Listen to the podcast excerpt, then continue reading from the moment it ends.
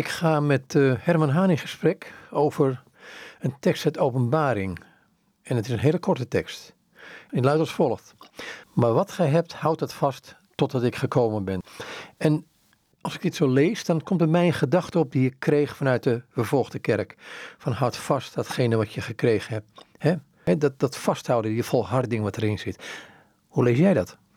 Ik las dit met natuurlijk in mijn achterhoofd alles wat ik geleerd heb over uh, termen als eindtijd en hoe in het leven te staan en dat soort dingen. En toen dacht ik, kan ik dit ook anders lezen? Op, niet dus op de manier zoals ik het geleerd heb, maar stel dat ik het isoleer voor zover dat kan, hè, voor zover dat mag en niet gevaarlijk is, wat kom ik dan tegen? Nou, dan kom ik een aantal dingen tegen. Dat ik iets heb en dat ik het vast moet houden totdat Jezus terugkomt. Nou, en als ik dan een beetje zeg maar met dat einde begin, dan weet ik uit deze tekst in ieder geval één ding zeker. En dat is dat Jezus op een dag terugkomt. Hoe dat zal zijn, ik heb eh, daar allerlei wilde fantasieën over. Maar hoe dat is en zal zijn en wanneer, eh, heb ik geen idee van. En ik moet daar ook heel eerlijk bij zeggen dat me dat ook niet zoveel kan schelen. Want dat is in de handen van God en in de handen van Jezus. En wij als mens hebben daar toch geen invloed op. Nee, maar het is wel, wel zo'n gebed ergens, hè? sorry voor de zijstraat, want dat besef ik, van Maranatha, Heer komt spoedig. Ja, alleen uh, dat is een beetje tricky, want uh, volgens mij betekent het in de context, het werd door ook dezelfde Johannes uitgesproken aan het eind van dit boek Openbaringen, en dan zegt hij niet zozeer kom spoedig in een soort eschatologische zin van het woord, maar kom in mijn situatie, want ik heb u nodig. En heel veel mensen hebben dat dus ook direct geplaatst, die, die hartekreet, in een leerstelling. Terwijl het volgens mij het, het gebed is van een bijna wanhopige man, die op een eiland gevangen zit, een bandeling is, en dan zegt, Heer, in deze situatie heb ik u nodig, Maranatha, kom in mijn situatie. Dus volgens mij heeft dat weinig te maken met kom terug zoals waar ik het hier even over heb. Ga terug naar jouw redenatietrand bij deze tekst. Ja, en dat is dus, uh, stel voor, ik probeerde het in ieder geval. Deze tekst te lezen zonder allerlei uh, leerstellige achtergronden, zeg maar een eindtijdtheorieën en, en kerk in verdrukking en zo. En dan, hè, wat ik al zei, dan weet je één ding zeker, Jezus komt terug. daar spreekt de Bijbel op een aantal plaatsen over. Maar er zijn ook twee andere dingen. Je hebt iets gekregen en je moet dat vasthouden. Nou, vroeger las ik deze tekst als uh, wat ik heb, dat moet ik vasthouden totdat hij komt. En ik moest ogenblikkelijk denken aan het verhaal van de uh, mensen die de talenten ontvingen van hun meester. De een tien, de ander vijf, de ander één. Nou, het verhaal is wel bekend, maar eventjes, die met tien talenten die die kreeg. En de opdracht was, ga ermee aan de slag. En dat deed hij ook. En van tien maakte hij twintig of dertig. Hij had in ieder geval, hij was aan de slag gegaan en vermeerderde zijn talenten. De man met de vijf ook, maar de man met de één talent, die begroef het. Want hij dacht, de meester is streng en stel voor dat ik het verlies. En zo zie ik heel veel mensen leven. En zo zie ik ook heel veel mensen naar deze tekst uh, kijken en lezen en dan in de praktijk brengen. Ik heb weinig en ik moet dat vasthouden, want hoe als Jezus komt en ik sta met lege handen. Nou, toen dacht ik, ik wil het opnieuw lezen. Maar hoe lukt mij dat? Want ik kan mezelf niet zomaar loskoppelen van, van alles en nog wat. Maar de Bijbel is een, is een mooi boek in de zin van het geven ruimte. Voor mij is de Bijbel niet beperkend. Toen ik tot geloof kwam, jaren geleden, en ik de verhalen over Jezus las, toen dacht ik, ik herken het. deze man, die, die, die doet eigenlijk wat, wat heel veel mensen willen, alleen ze durven niet. Nou ja, en dan ga je later, word je beïnvloed door leerstellingen en soms ook een beetje uh, op een negatieve manier. En dan lees je het blijkbaar anders. Maar toen dacht ik, maar wat ik heb, als ik dat nou eens eerst eens even overdenk. En ik ging gewoon uh, letterlijk voor het raam staan hier en we hebben nogal een wijdse uitzicht in dit huis. En toen dacht ik, wat heb ik? En ik ging eens even nadenken daarover. En dan kom je eigenlijk tot de conclusie dat ook al heeft het leven mijzelf en ons af en toe keihard geslagen, dat ik best heel veel dingen heb. Als talenten, als bezittingen en noem maar op. En in plaats van bang te worden, oeh, Jezus komt, ik moet vasthouden, werd ik door dat opnieuw te bedenken, werd ik eigenlijk heel blij. En toen kwam ik voor mijzelf terecht bij, ja, wat ik heb is eigenlijk een geschenk. En misschien betekent dat voor mij meer of anders dan voor andere mensen. Ik ben nogal een doe-het-zelver. En, en uh, het liefst los ik alle dingen zelf op. Het liefst ben ik gewoon heel zelfstandig. Ik ben wel een teamspeler en ik hou van mensen. Je kan met mij uren kletsen en flessen wijn leeg drinken. Maar als het gaat om de diepere dingen, isoleer ik mijzelf nog wel eens. Maar toen dacht ik, wat ik heb en wie ik heb, dat, dat is een geschenk. Op datzelfde ogenblik was ik eigenlijk ook een beetje bezig met uh, dat mooie, lastige boek uh, Spreuken. En, en daar kwam ik deze teksten tegen. En volgens mij hoorde die precies in mijn nieuwe gedachten, zeg maar, hè? bij, uh, bij openbaringen. Want ik lees hier in hoofdstuk 18, vers 16, iemands geschenk maakt ruimte voor hem. En toen dacht ik, ja, ik heb niet één dingetje gekregen, maar uh, ik, ik heb best wel, maar net als andere mensen hoor, ik heb best wel allerlei talenten gekregen en eigenschappen die uh, wel goed zijn. Ook een heleboel waar ik keihard aan moet werken, maar ook geschenken die wel goed zijn. Ik, ik ben over het algemeen een hele vriendelijke man en ik ben wel creatief en noem maar op. En daar staat hier iemands geschenk maakt ruimte voor hem. Heel veel mensen lezen de tekst uit de openbaring en worden bang, benauwd, verstoppen.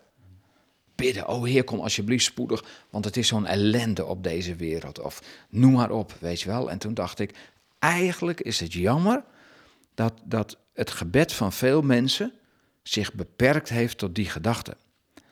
Want het leven dat wij mogen ontvangen, beperkt niet, maar het leven dat wij ontvangen geeft juist ruimte. Er valt mij iets op in, in deze wereld. Hè. Ik, ik, uh, je noemde dat in de inleiding. Ik, ik, ik spreek op, in allerlei kerken, op allerlei plaatsen. En het valt mij op dat juist mensen die christen zijn of zijn geworden, dat die eerder uitgaan van hun beperkingen dan van hun vrijheden en mogelijkheden, zeg maar. En dat doet mij heel erg verdriet omdat mensen zichzelf daarmee tekort doen. Ze doen de omgeving daarmee tekort, hun partner, hun kinderen, als ze die hebben. Maar ze doen God daar ook mee tekort. Want God heeft ons het leven gegeven, zodat er ruimte zou ontstaan waarin wij uh, mogen functioneren. Waarin wij onze talenten tentoon kunnen spreiden. En het is zo typisch, vooral Nederlands, om te zeggen, ach, het stelt allemaal niks voor. En ik ben niet zo belangrijk. En dat is ook allemaal waar. Maar wij, wij verstoppen onszelf daarmee heel erg. Nou, dan ga je een beetje hierover doordenken. Toen dacht ik, wat ik heb, dat is een geschenk. En toen vertelde vorige week nog iemand mij, en ik had het natuurlijk al vaker gehoord, en voor de luisteraars is dit misschien allemaal heel bekend. Wie ik ben is een geschenk van God. En wat ik ermee doe, is een geschenk terug aan Hem. Nou, en zo ga je dan wat doordenken. En ik kan er dan niet helpen, maar ik word daar een blij mens van. Want ik zie daar ook direct de genade van God in. In de zin van, God heeft de mens geschapen, dat geloof ik nog steeds, ondanks alle gedachten. En of de wereld nou een miljoen jaar of 7000 jaar bestaat, who cares? Dat is helemaal niet belangrijk. God heeft de mens geschapen en heeft de mens geschenken meegegeven om uh, te kunnen leven. Nou, dat maakt mij heel blij. En, en het maakt mij dus ook verdrietig dat ik zie dat heel veel mensen dat zo bijna negatief benaderen. Want mensen maken geen ruimte voor zichzelf. Mensen beperken zichzelf heel erg. En, en ik vind het gewoon fijn dat ik dan af en toe even mag zeggen, vooral tegen mezelf, maar ook tegen anderen. Ik heb geschenken gekregen. En als, als iemand jou een geschenk geeft, betekent in, in de oude zin van het woord, in bijbelse zin, dat hij in je gelooft. Dat hij je respecteert, anders kreeg je geen geschenk. Dus dit is veel meer dan een Sinterklaas cadeautje. Dit is groot. Nou, nou valt me iets op, hè? Maar, maar filosofeer of, of denk verder. Iemands geschenk maakt ruimte voor hem. Dus als ik iemand met een hoofdletter zie, dan kan ik ruimte voor hem ook met een hoofdletter zien. Dat hem. Ja. Denk je er zo over na? Ik denk daar ook zo over na. Dat geeft ruimte voor hem om in mij te werken. Maar ik, ik ben een mens die, als het uh, gaat om het leven inrichten, een grote verantwoordelijkheid bij zichzelf neerlegt. God helpt mij, maar als ik zelf mijn handen niet uit de mouwen steek, gebeurt er niks. Dus en zo lees ik dit in feite ook. Het maakt ruimte voor God om te kunnen werken. Maar wat ik juist zo, uh, zo'n mooie ontdekking vond, het maakt ruimte voor mezelf. Om te kunnen functioneren, om te kunnen leven. En, en ik hoef niet per se te bidden, Heer kom spoedig, want ik ben zo'n mislukkeling. Ik, ik mag bidden, Heer, dank u wel voor de geschenken, de talenten, de dingen die ik goed kan, want dat geeft mij ruimte. Even, even een, we noemen dat een anekdote tegenwoordig. Ik was vroeger uh, directeur van een, uh, een, bijbelschool, heette dat. En dan moet je elke, elk jaar komen er 20, 30, 40 nieuwe studenten. En bij onze school was het dan gebruikelijk dat ze met, de, met uh, iemand van onze school een gesprek hadden. Nou, en af en toe was ik dan aan de beurt dat zo'n aankomend student op mijn kantoortje moest komen voor een soort intakegesprek. En ik had altijd standaard deze openingsvraag, zonder enige inleiding. Ik zei, ik wil nu binnen een minuut drie goede dingen van jezelf horen. En negen van de tien keer was het antwoord standaard, oh, als je nu had gezegd, zeg drie negatieve dingen over jezelf, over mij, dat is heel makkelijk. Maar hier raak ik van in de war. En ik denk dat, dat wij kunnen beter omgaan, helaas, met beperkingen dan met vrijheden. Heeft dit ook te maken met, want je raakt van mij toch wel iets wezenlijks hier, wat ik wel eens in interviews hoor van, hé, je bent een zondaar en je blijft maar op je zonde zien. Je moet, je moet eerst berouw hebben over je zonde en dan zegt de Bijbel, kijk op Jezus. Dus waar je naar kijkt, ga je op lijken. Nou, ik denk dat dat helemaal waar is. Hoe goed het ook is om berouw te hebben. En hoe goed het ook is om je zonde te erkennen. En ik heb vroeger helaas, en ik heb dat wel eens eerder verteld in dit soort programma's, uh, misselijke makende dingen gedaan. Waar ik nog steeds uh, uh, hinder van ondervind in mezelf. Maar gaandeweg heb ik ook geleerd dat ik daar overheen moet stappen. Want ik kan mezelf al steeds kastijden door daarbij te blijven staan. Maar daarmee kom ik niet verder. Ik besef wie ik ben, maar ik besef ook wie ik mag zijn. En ik, ik hoop eigenlijk ook ja, dat klinkt bijna prekerig. Maar dat, dat anderen dat ook gaan beseffen. Ik, ik, ik was iemand en door de genade van God ben ik ook weer iemand geworden.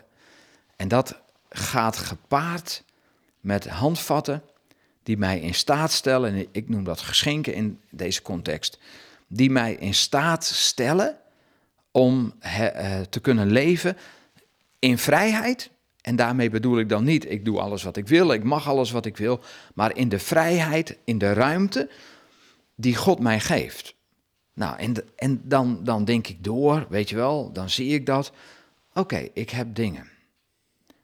Maar wat zijn dat dan voor dingen?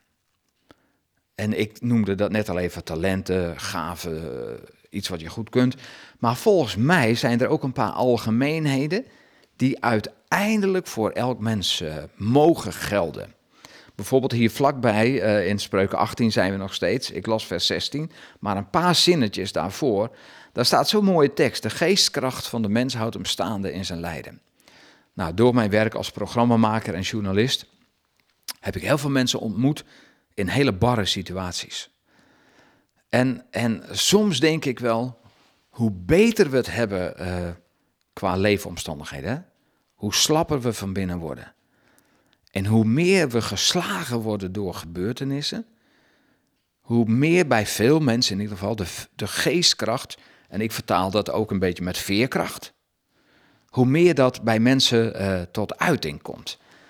En volgens mij heeft God aan de mensheid in het algemeen veerkracht meegegeven. En dat is een geschenk die bij veel mensen misschien nog ingepakt is. En die ontdekt moet worden. En veel mensen denken dan, ik heb hem niet. Maar ik denk mensen, onderzoek jezelf eens. En denk eens na over wat je allemaal hebt meegemaakt en hoe je eruit gekomen bent. En dan ga je misschien ontdekken dat je veel sterker bent dan je zelf denkt. Weet je wel, dat soort dingen. Geestkracht, veerkracht. Een, een andere heel leuk ding is, er staat ook weer in Spreuken 19, vers 22. het aantrekkelijke van de mens is zijn welwillendheid. Nou, ik heb dit soort teksten nooit gelezen. Of ik las er overheen. Maar toen ik er dus over na ging denken, uh, over die tekst uit Openbaringen, want daar begint het mee, hè? Houd wat je hebt. Uh, wat je hebt, houd dat vast. Daar begon het mee. En ik had het altijd gelezen, weet je wel, in die beperkende context, voor mij dan. In die bijna angstige context. En toen ging ik het op een andere manier lezen. En toen zag ik ineens, ja, bijna verbindingstukken allemaal. En, en geschenken. En, en als een kerk, een groep van gelovigen, hoe je dat ook wilt noemen, of een individu die zegt in God te geloven, als hij iets met zich mee zou moeten dragen, is dat welwillendheid. Ter afsluiting, je hebt het over ruimte, geschenk. Het geeft jou ruimte voor jezelf. God krijgt ruimte in jou, maar in die ruimte kun je natuurlijk, en dat proef ik hier een beetje uit, ook die ander ontmoeten. En heeft de ander ook meer ruimte bij jou in plaats van het, het enge van, geloof jij wel goed of je zit wel het exacte, hè? Die, die kant? Ja, precies. Als ik ruimte creëer voor mezelf, betekent het ook dat mensen zich ook veel meer op hun gemak gaan voelen in mijn omgeving. Want ik let niet op de beperkingen. Ik, ook bij hun let ik op de ruimte. En wil ik hun ruimte geven. Want dat is het mooie met het geschenk in Bijbels perspectief. Dat hou je niet voor jezelf alleen. Dat, dat deel je gewoon met, met anderen. En dat is dan ook weer die welwillendheid. Dat is die geestkracht waar je dan uiteindelijk ook bij, uh, bij terechtkomt. En inderdaad, het is gewoon heel mooi.